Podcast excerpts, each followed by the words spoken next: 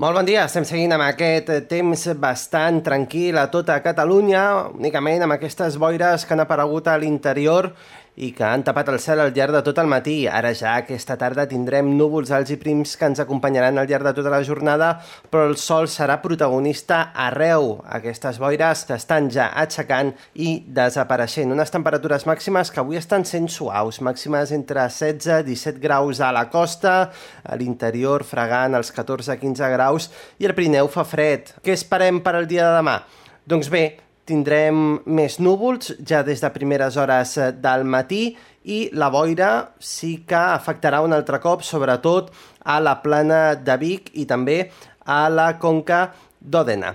Aquestes temperatures seguiran sent estables, mínimes, això sí, que arribaran als 7-8 graus, fins i tot a la costa. Farà bastant de fred. I el que també cal destacar és el fort vent que hi haurà, sobretot a les Terres de l'Ebre per la tarda, amb ratxes que poden arribar als 80 km per hora.